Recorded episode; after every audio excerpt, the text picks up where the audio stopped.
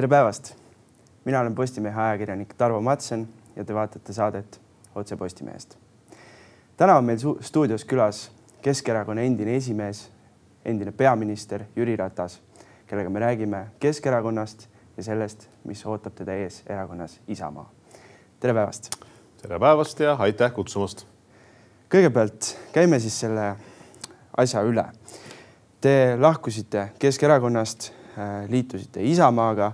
Te ütlesite lahkumise pressikonverentsil seda äh, sisuliselt, et teil ei ole usku, et Keskerakonnast äh, saaks mingi perspektiivikas erakond tüki aja jooksul äh,. mida uus juht oleks pidanud selle viimase poole aasta jooksul tegema, et teil see usk oleks säilinud? no lühidalt öeldes need oleksid poliitikas midagi ei maksa, kui on sammud tehtud, otsused tehtud ja mis veel järjest rohkem olulisem on, et kui poliitikas midagi välja ei öelda, siis see on ka tegelikult tegevus.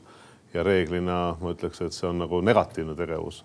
aga lühidalt öeldes see meeskond tulnuks taas kokku liita, et, et selge on see, et Keskerakond läks väga tugevasti kahte eri lehte juba kahekümne teise aasta kevadest, kui hakkas selle asja ettevalmistus Ehm, aga kokkuvõttes see on ju kõik see, mis jääb mul selja taha, et äh, ma olen inimene, kes vaatab edasi, ma soovin vaadata edasi positiivselt. selge on see, et ma olen tänulik sellele teekonnale ja seal on olnud, on väga palju ilusaid mälestusi ja suuri asju, mis me oleme teinud ja inimsuhted, aga täna ma lähen edasi tõesti, nagu te ütlesite, et olen kirjutanud avalduse, et liituda erakonnaga Isamaa ma saan aru, et täna Tallinna piirkond seda arutab. ma loodan, et äh, nad äh, mind vastu võtavad erakonda ja, ja tugevdada Isamaad, tugevdada just seda äh, suunda Eesti poliitikas, mis on ikkagi väga selgelt tänasele Kaja Kallase valitsusele alternatiiviks mm. -hmm. ikkagi Keskerakonnast räägime natukene veel, sellest ei saa üle ega ümber. Te võtsite tükk aega mõtlemiseks, te käisite läbi kõik piirkonnad, suhtlesite liikmetega, mida nad teile ütlesid, mis tagasisidet te sealt saite? peamiselt positiivset tagasisidet, et äh, kokkuvõttes need inimesed ju tundsid mind, et ma ei olnud nende inimeste jaoks võõras.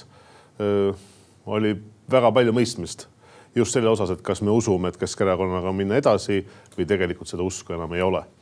ja kui juba erakonna liikmed ütlevad seda välja ka kohtadel, et, et seda usku ei ole, noh, siis see on väga tõsine signaal. oli ka neid, kes ütlesid, et kindlasti jääda ja edasi olla ja aga ma arvan, et poliitikas nagu on vaja teha nagu tegusid, on vaja teha samme. ja ma tulen taas selle oma telje juurde ja see telg on ikkagi täna väga selgelt see, mis on ju seotud inimeste toimetulekuga, mis on seotud Eesti majandusega. kui me vaatame inflatsiooni, see on taas jaanuar versus detsember Euroopa Liidu kõige kõrgem, rääkimata eelmisest aastast, kus inflatsioon oli viis protsenti. ja kui vaatame Soome inflatsiooni, siis kui meil hinnad kasvavad, siis Soomes jaanuar versus detsember hinnad tegelikult langesid. Ja ma arvan, et siin on väga palju ka, ma olen seda meelt, et avalik sektor ja poliitika ei saa sekkuda nagu igapäevaselt majandusellu, aga tegelikult seda keskkonda, kui on rasked ajad, kui on kriisiajad ja täna on kriisiajad siis seda juhtimiskriisi, mis on viidud täna Stenbocki maja tasemele ja valitsustasandile. et seda tuleb muuta ja ma näen, et Isamaas seda tööd saab teha. ja teie küsimuse vastates siis Keskerakonnas ma seda enam ei uskunud mm. -hmm. Lähme natukene ajas tagasi, te tõite ise ka välja selle, et äh, Kesker, Keskerakonna sees äh, hakkasid asjad juhtuma juba tegelikult tükk aega tagasi, et need protsessid läksid käima, mis on selle tänaseni viinud. mis seal juhtuma hakkas, et asjad hakkasid allamäge minema? no ma ka ise ütlesin, et ka mina tegin asju võib-olla liiga hilja, mida oleks tulnud teha kiiremini. noh, kui te küsite, mis see võiks olla, no näiteks selgelt sellesama eestikeelsele haridusele üleminek oli ju arusaadav, et erakonnas sa pead hoidma erakonda koos. oli väga jõuline telk, kes rääkis, et seda sõna üleminekut ei tohi mitte kusagil kasutada. et, et Keskerakond, ma arvan, tulnuks, pidanuks väga palju kiiremini tulema tegelikult selle taha aga lühidalt öeldes maailmapilt ju ja siin Eesti pilt kahekümne neljandast veebruarist kaks tuhat kakskümmend kaks väga selgelt muutus, kui algas Venemaa agressori täiemahuline sõda Ukraina pinnal ja ja peale seda tegelikult ka poliitikas väga palju sellised mustvalged vastused ja tegevused, aga ka mustvalged, ütleme vastused, kus midagi ei öelda, kirjeldavad päris palju mm. -hmm no Keskerakonnast rääkides äh, tekkis justkui ühel hetkel nagu kaks seltskonda, see teie seltskond ja siis Tallinna seltskond või Kõlvarti seltskond, kellel oli nagu kaks erinevat vaadet. Tagasi vaadates, kui te veel juhtisite Keskerakonda, kas oleks pidanud ma ei tea, päris jõuliselt selle seltskonnaga kuidagi tegelema, ma ei tea, kas lausa minna nii kaugele, et nad välja heita mingisuguse väljaütlemise eest või, või mis te arvate? ma olen töötanud nii Tallinna abilinnapeana kui ka linnapeana, nii et ma arvan, et kuidagi ma tallinnalasi ei ütle, et nad on kellegi teise äh, seltskond või kellegi teise meeskond, et äh, ma arvan, et on ikkagi ka väga palju äh, minu inimesed ja, ja nad minuga ka nagu arvestasid. et aga ei, seda meelt ma pole kunagi olnud, et erakond, mis on vabatahtlik organisatsioon et, et seal lüüa lihtsalt inimesi ühte või, või, või teise sektorisse või erakonnast välja, et ma arvan, nii tugevat erakonda ei ehitata. Eriti veel seda, et, et erakond minu arvates peab ikkagi olema, mis kõnetab kogu spektrit erinevates teemades, sotsiaalpoliitika, majanduspoliitika, hariduspoliitika, regionaalpoliitika. Ja kui sul jääb nagu suures erakonnas jääb nagu kuus, täna on ainult kuus komisjoni, mida Keskerakond katab siis on ikkagi väga suur probleem, et tekib küsimus, et kes räägib riigikaitse teemadel või, või välispoliitilistel teemadel, kes räägib tervishoiu teemadel. aga seda kõike nagu ma Isamaas näen, ma Isamaas näen tegelikult seda tugevust ja seda, seda sügavust ja lisaks sellele Isamaa nagu tugevale, ma arvan, sisule, mis tõesti on ju Eesti poliitikas väga pikalt välja kujunenud kus Isamaa on kandnud ka vastutust erinevatel kohalikel omavalitsustel ja valitsustasandil.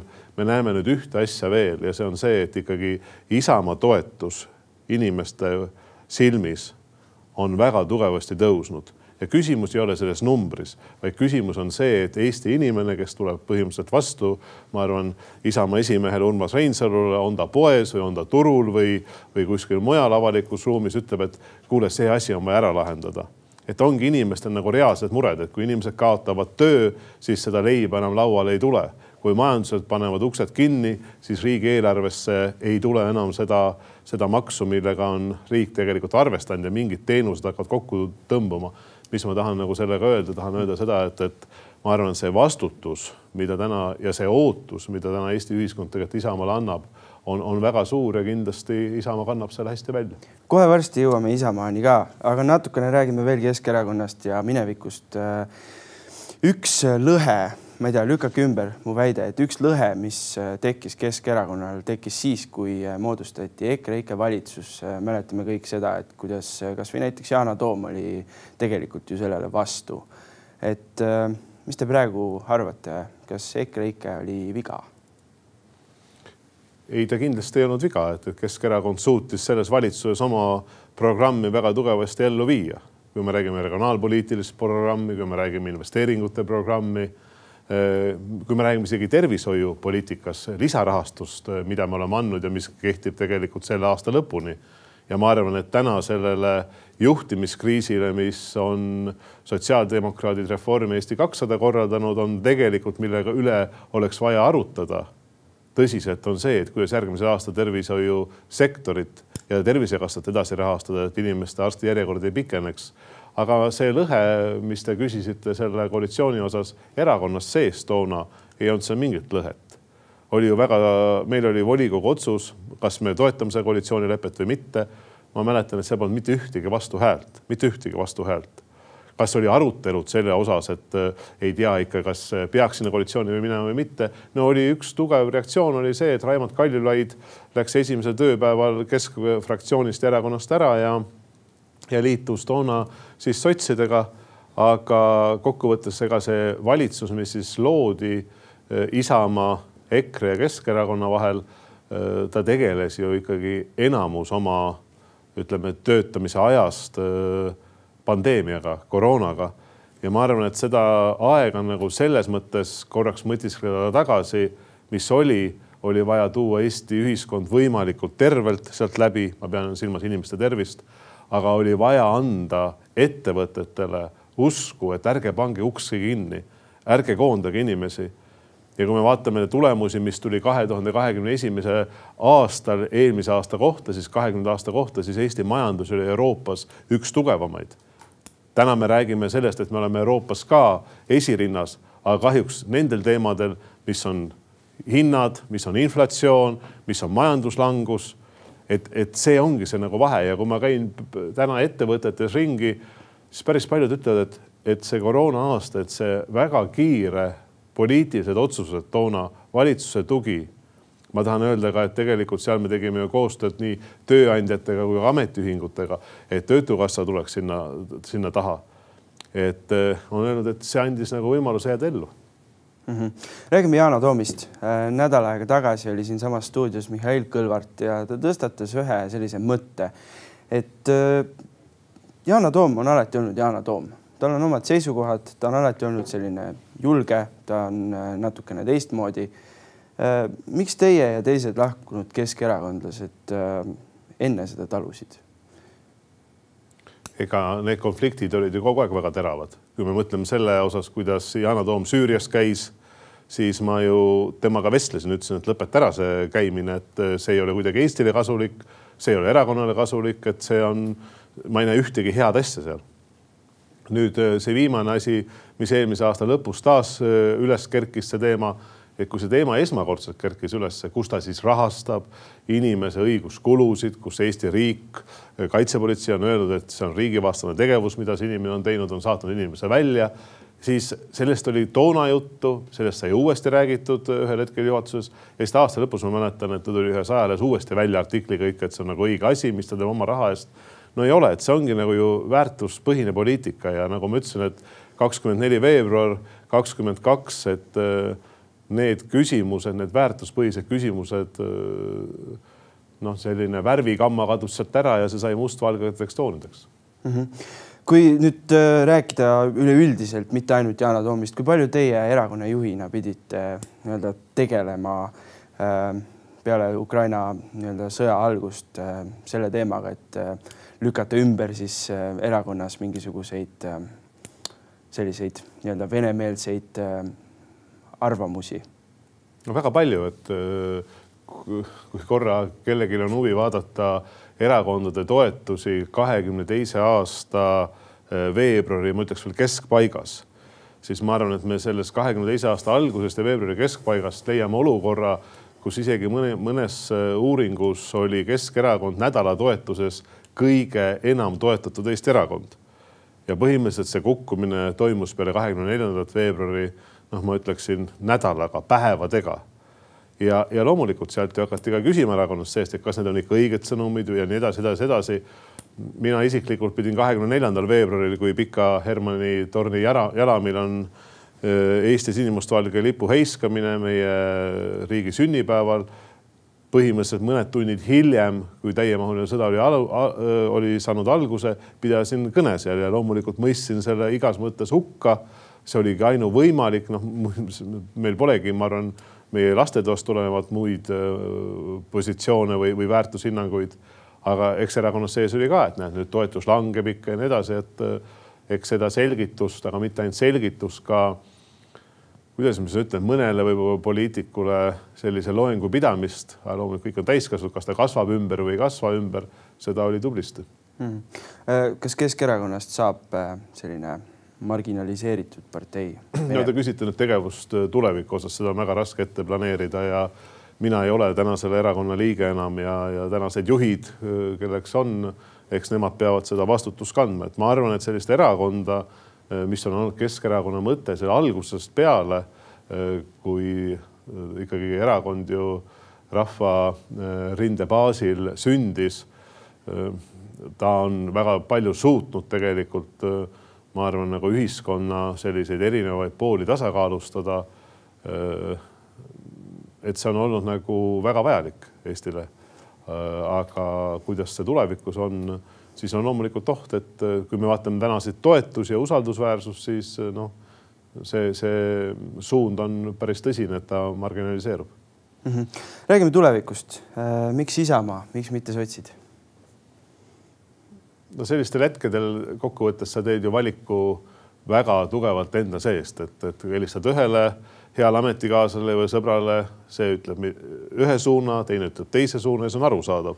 et sa ei saagi nende suunade nagu osas joosta ühele või teisele poole, et, et Isamaa tundus mulle igas mõttes kõige loogilisem, et loogilisem selles mõttes, mis poliitikat tegelikult ma olen ajanud, mis on minu lastetoast tulnud ja ikkagi ka väga selgelt see, et et Isamaa on ikkagi täna, nagu ma näen, ainus poliitiline jõud, kes reaalselt julgeb, kes ei räuska, kellel on noh, tõsine sisuline plaan tänasele majanduspoliitikale vastu, tänasele juhtimatusele vastu, mis valitsuse poolt tuleb. Ja ma ise nagu mõtlen niiviisi, et kuhu tegelikult see asi viib, et kui me võtame kasvõi selle õpetajate mm, streigi. Ja ma jätkuvalt arvan, et selle poliitikute töö tegid õpetajad ära parlamendi ees ja Stenbocki maja ees, mida oleks pidanud tegema just Kaja Kallas, Eesti kakssada sotsiaaldemokraadid ja valitsus ja nad ei teinud seda. põhimõtteliselt seal juhtus nii, et öeldi, et, et hea küll, leidke see ise, aga meie astume välja, noh, peaministri erakond nagu tegi obstruktsiooni seal. ja ma nagu mõtlen, et kui meil oleks nüüd täna nagu tõsine oht Eesti ühiskonnas, tõsine mure, kus see ühiskond tuleb konsolideerida, kus ühiskond tuleb võtta kokku.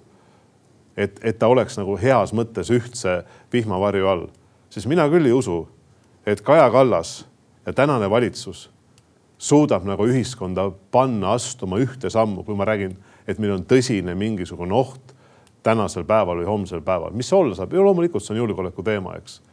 ja, ja see ongi minu meelest kõige suurem kriitika öö, selle valitsuse pihta, et see ei ole enam üks, teine või kolmas episood, vaid see on minu meelest nagu muster, kus on väga palju olnud peaministri poolt valetamist enne valimisi, mida ta lubas, mida ta ei lubanud, peale valimisi idavedude skandaal et seal on olnud nii palju valesid, mis on tegelikult selle ikkagi väga kõrge usalduse, mis oli Reformierakonnal märtsis Riigikogu valimistel vähem kui aasta tagasi, et ta on ikkagi selle väga kõvasti nagu ära sulatanud mm. -hmm. opositsioonipoliitiku mõteteni ja õpetajateni jõuame ka aga siiski, äh, see vist ei ole enam äh, kellelegi saladus, et te tahate minna Europarlamenti, kui valija niimoodi otsustab. kui palju nüüd erakonna valimisel sai see nii-öelda kaalul? ei, mingid kohad kindlasti ei olnud kaalul ja kui te räägite saladusest, siis või mittesaladusest, siis selle ma olen saanud Rapla ja Harjumaalt isikumandaadiga Rapla-Harjumaa elanike käest et töötada selles viieteistkümnes Riigikogu koosseisus. ja see on tegelikult minu jaoks kõige tähtsam. et kui ma ka siin teile vastan, et, et see on inimeste toimetulek, see on majandusolukord, see on julgeolekuolukord, siis, siis ma tõesti arvan seda, et need ongi need teemad, mida poliitikud tegelikult saavad ja peavad muutma nüüd, kui rääkida sellest Euroopa Parlamendi valimistest, siis ütlen ka siin kohe ära, et ma olen Eesti poliitikas olnud üle kahekümne aasta. kui Isamaa näeb, et ma võiksin kandideerida, arvab, et ma, ma suudan kõnetada, siis loomulikult ma olen selleks valmis, mul on see selgelt tahe olemas. see, kas ma olen selles nimekirja järjestuses, ei olnud mingisugust kohtades läbirääkimist, on see, on see üheksas, on see kuues, on see seitsmes, et, et selles mõttes ma arvan, et Eesti inimesed ja tänased Postimehe vaatajad nagu päris hästi ka teavad mida minust oodata, mis on mu põhimõtted ja tegelikult see reastus toimub ju kuuendast kuni üheksanda juunini, üheksanda juuni õhtul, kui see, kes kõige rohkem hääli saab, see nimekiri reastub ümber. nii et ei, ma ei läinud kuhugi erakonda mingite positsioonide pärast. mõni erakond võib-olla isegi tegi sellest juttu minuga väga tõsiselt ja ma ütlesin, et, et ei, et selle, sellest ei ole mõtet rääkida, et see ei ole minu valiku aluseks mm. -hmm.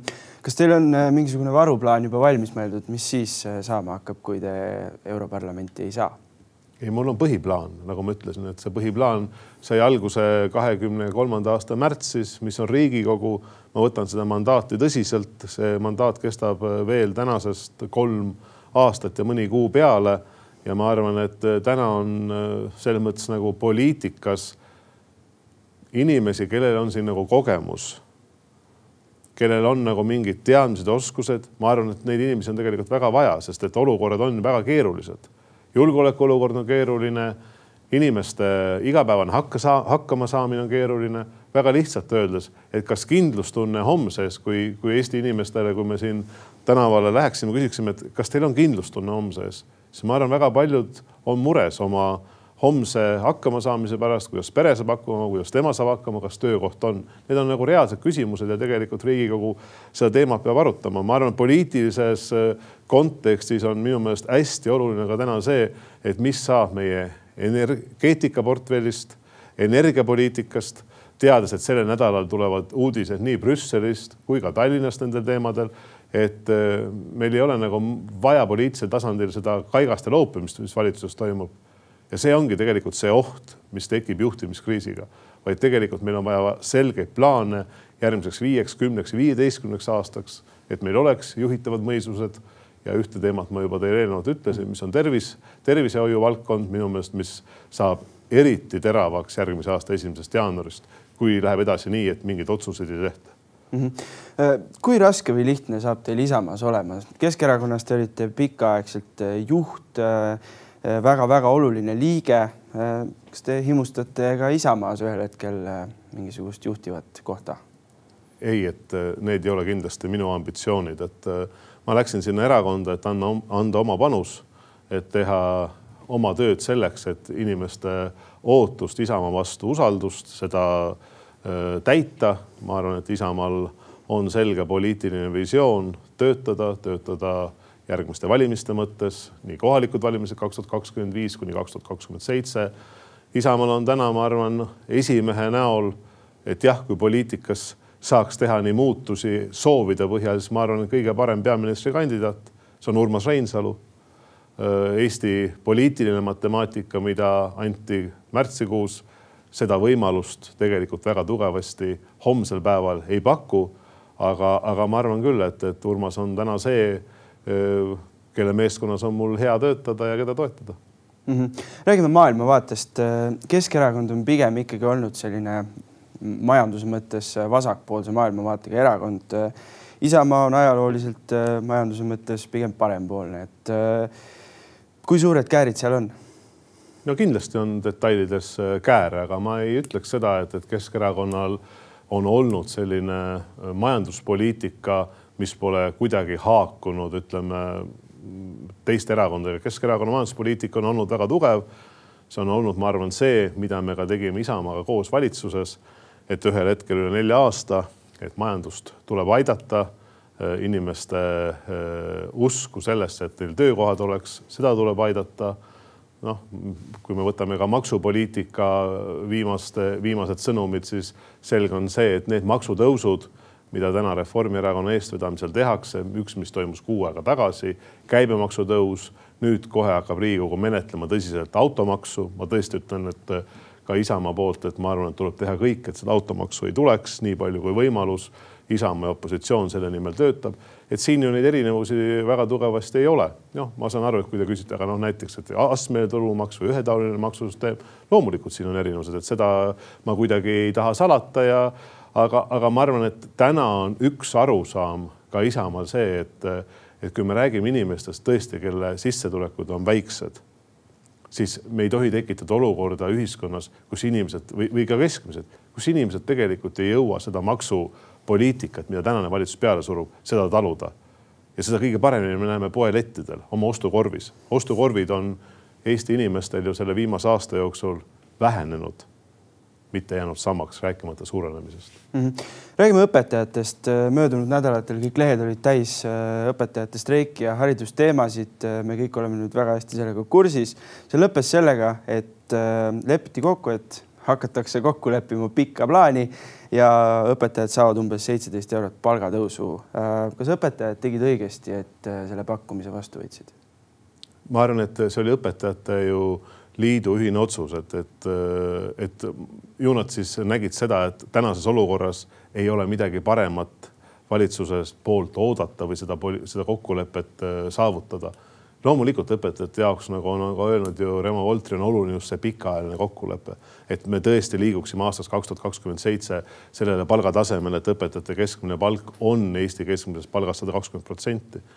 aga kui korraks sellele tagasi vaadata, siis ma arvan, et see oli üheksa ära varastatud päeva Eesti hariduspoliitikas, mida tegi tegelikult äh, juhtimiskriis valitsustasandil ja, ja saamatus ja suutmatus.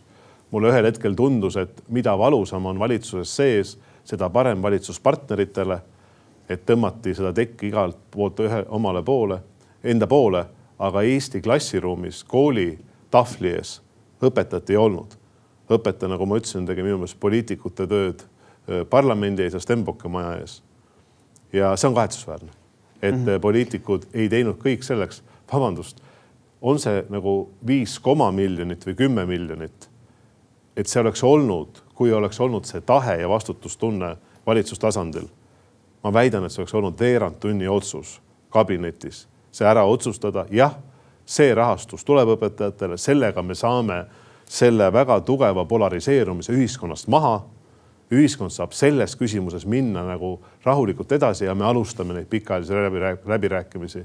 see näitab minu meelest juhtimistasandi saamatust, mis lõpuks läks poliitilistesse kihtidesse mm. -hmm. see on väga hea, et te selle välja tõite, sellepärast et äh, ma tegelikult tahtsingi teie käest küsida äkki te siis annate Kaja Kallasele nõu, te olete ise peaminister olnud Eh, te saate ka aru sellest, et eh, tegelikult valitsusel oli sellis, selles mõttes hästi keeruline olukord, et kui nad oleks õpetajatele kohe järgi andnud, siis meil on siin erinevad teised ametiühingud ka kindlasti ootamas, et streikida, et see oleks selline pretsedent. andke Kaja Kallasele nõu, mida ta siis oleks pidanud tegema ja kuidas.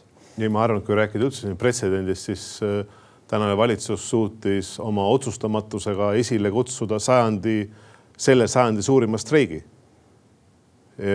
ja kui öelda, et see on pretsedent, siis ma loodan, et rohkem selliseid ületrumpavaid pretsedente ei tule ühiskonnas, et, et poliitikud suudavad selliseid streike nagu ära hoida. et see lihtne lahendus oleks olnudki see, mis ma just ütlesin, et valitsustasandil see otsus teha, et õpetajate palk kasvab. toona oli see palve ju, kus võinuks kokku leppida see kümme miljonit ja siit edasi leppida ka kokku see, et see pikaajaline plaan pannakse paika selle aasta kevadeks, et neid läbirääkimisi hakatakse tõsiselt pidama. tingimuste osas, äh, haridusmaastiku äh, osas, äh, taristu osas et, et selles olukorras saab pidada mõistlikke läbirääkimisi. pingeolukorras seda pidada ei saa. ja kui te nüüd ütlete, et ja siis oleks tulnud järgmised ja järgmised ja järgmised sektorid, noh, ma arvan, see on nagu poliitikute või peaministri poolt nagu hea vabandus, eks ju mis on tegelikult väga õõnes vabandus. et vastandada nüüd seda priitahtlikku või vabandust, pritsimeest, politseinikku, piirivalvurit ja õpetajat või arsti või kiirabitöötajat, ma arvan, see küll nagu vastutustundeline poliitiline ja riigi juhtimine ei ole.